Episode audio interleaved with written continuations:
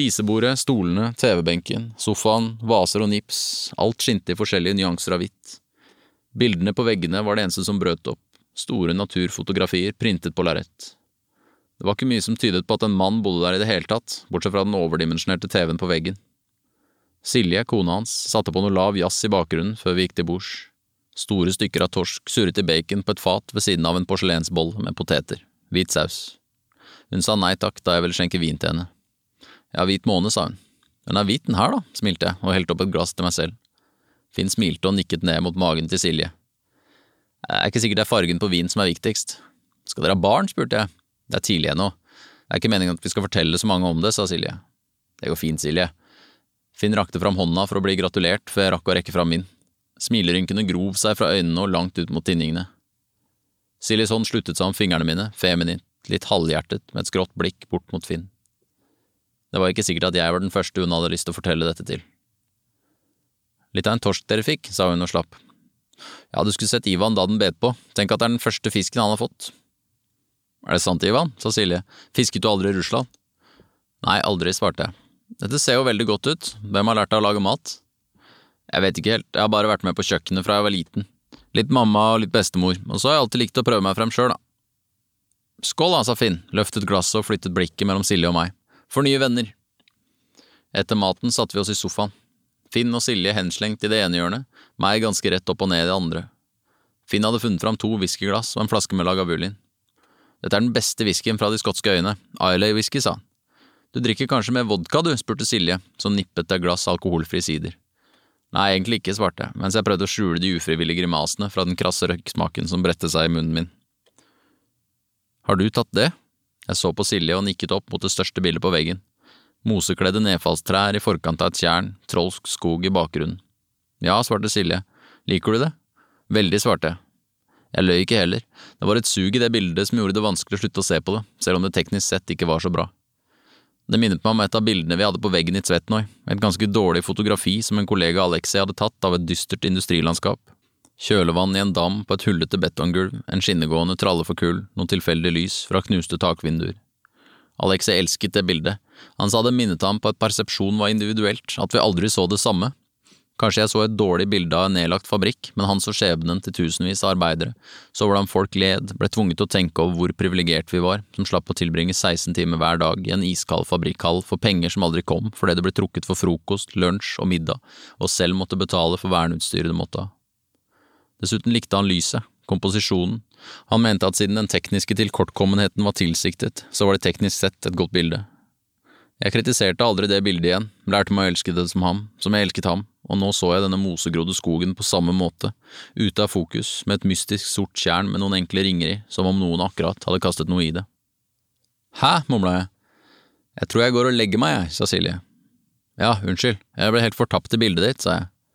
Hun smilte litt forlegen, kysset Finn kort før hun gikk. Det var fint å møte deg, Ivan. Her hos oss får alle klem, sa hun og lente seg fram, og selv om jeg var klossete, fikk armen mellom hennes og min mage, smilte hun og ønsket meg god natt som om vi hadde kjent hverandre lenge.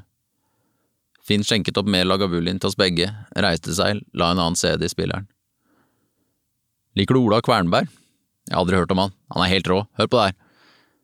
Vi satt i stillhet og lyttet i sikkert 20 minutter. Av og til brøt Finn ut i spontan latter over fantastiske partier i musikken. Flere ganger tok jeg meg i å kjenne på en slags lykkefølelse, en ro, som om jeg for første gang følte meg hjemme i meg selv, her, i mitt nye liv, men så kom jeg på hvorfor jeg hadde dratt dit, hvorfor jeg satt der med denne Finn og kjente hjertet gå i dvale igjen. Det er bra, hæ? Veldig, sa jeg. Men det begynner å bli litt sent, hva tror du om at vi fortsetter lyttingen en kveld vi ikke skal på jobb dagen etter? Herregud, ja, gjerne, jeg glemte at du ikke kan komme slentrende i nitiden som meg.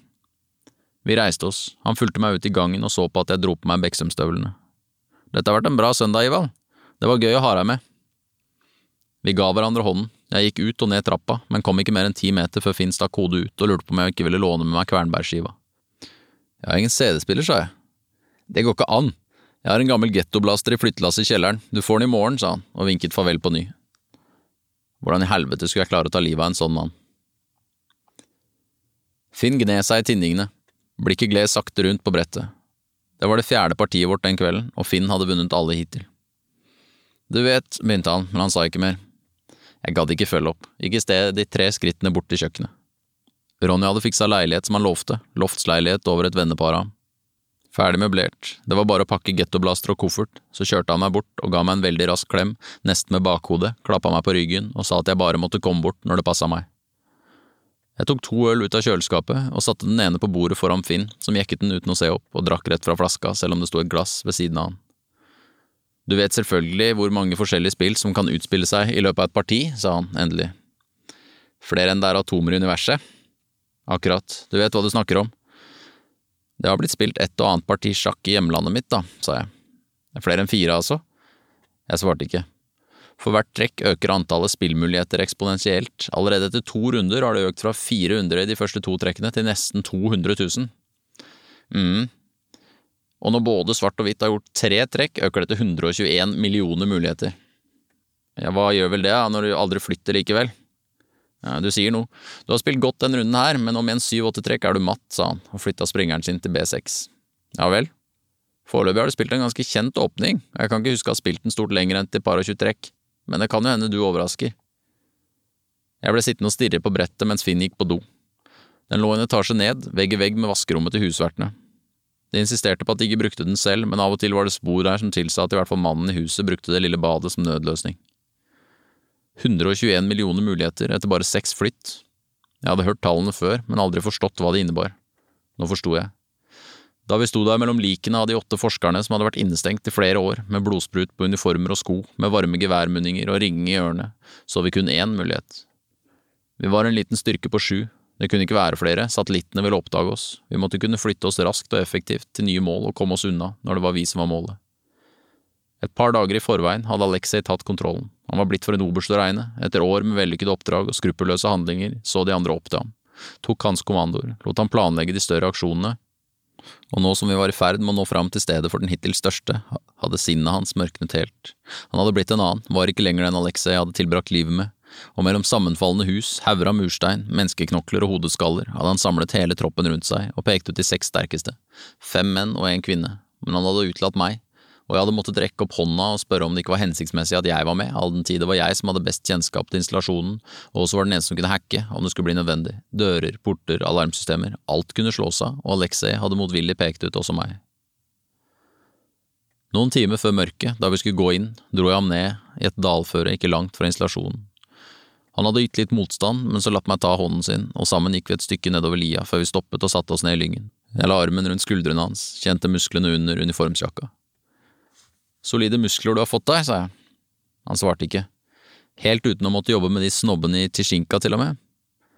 Jeg lente meg fram for å kysse ham, men han snudde seg vekk, og jeg måtte ta tak i kjevene, det røde skjegget, og vri ansiktet hans mot mitt. Jeg elsker deg. Han blunket et par ganger, skjøv meg ned i lyngen, kastet meg rundt på magen, dro ned buksene mine og tok meg langt hardere enn han visste at jeg likte, gjorde seg ferdig, la armen på skulderen min og klemte til. Jeg elsket deg òg, men nå må det være slutt, sa han, og reiste seg. Han var borte før jeg hadde fått meg klærne igjen.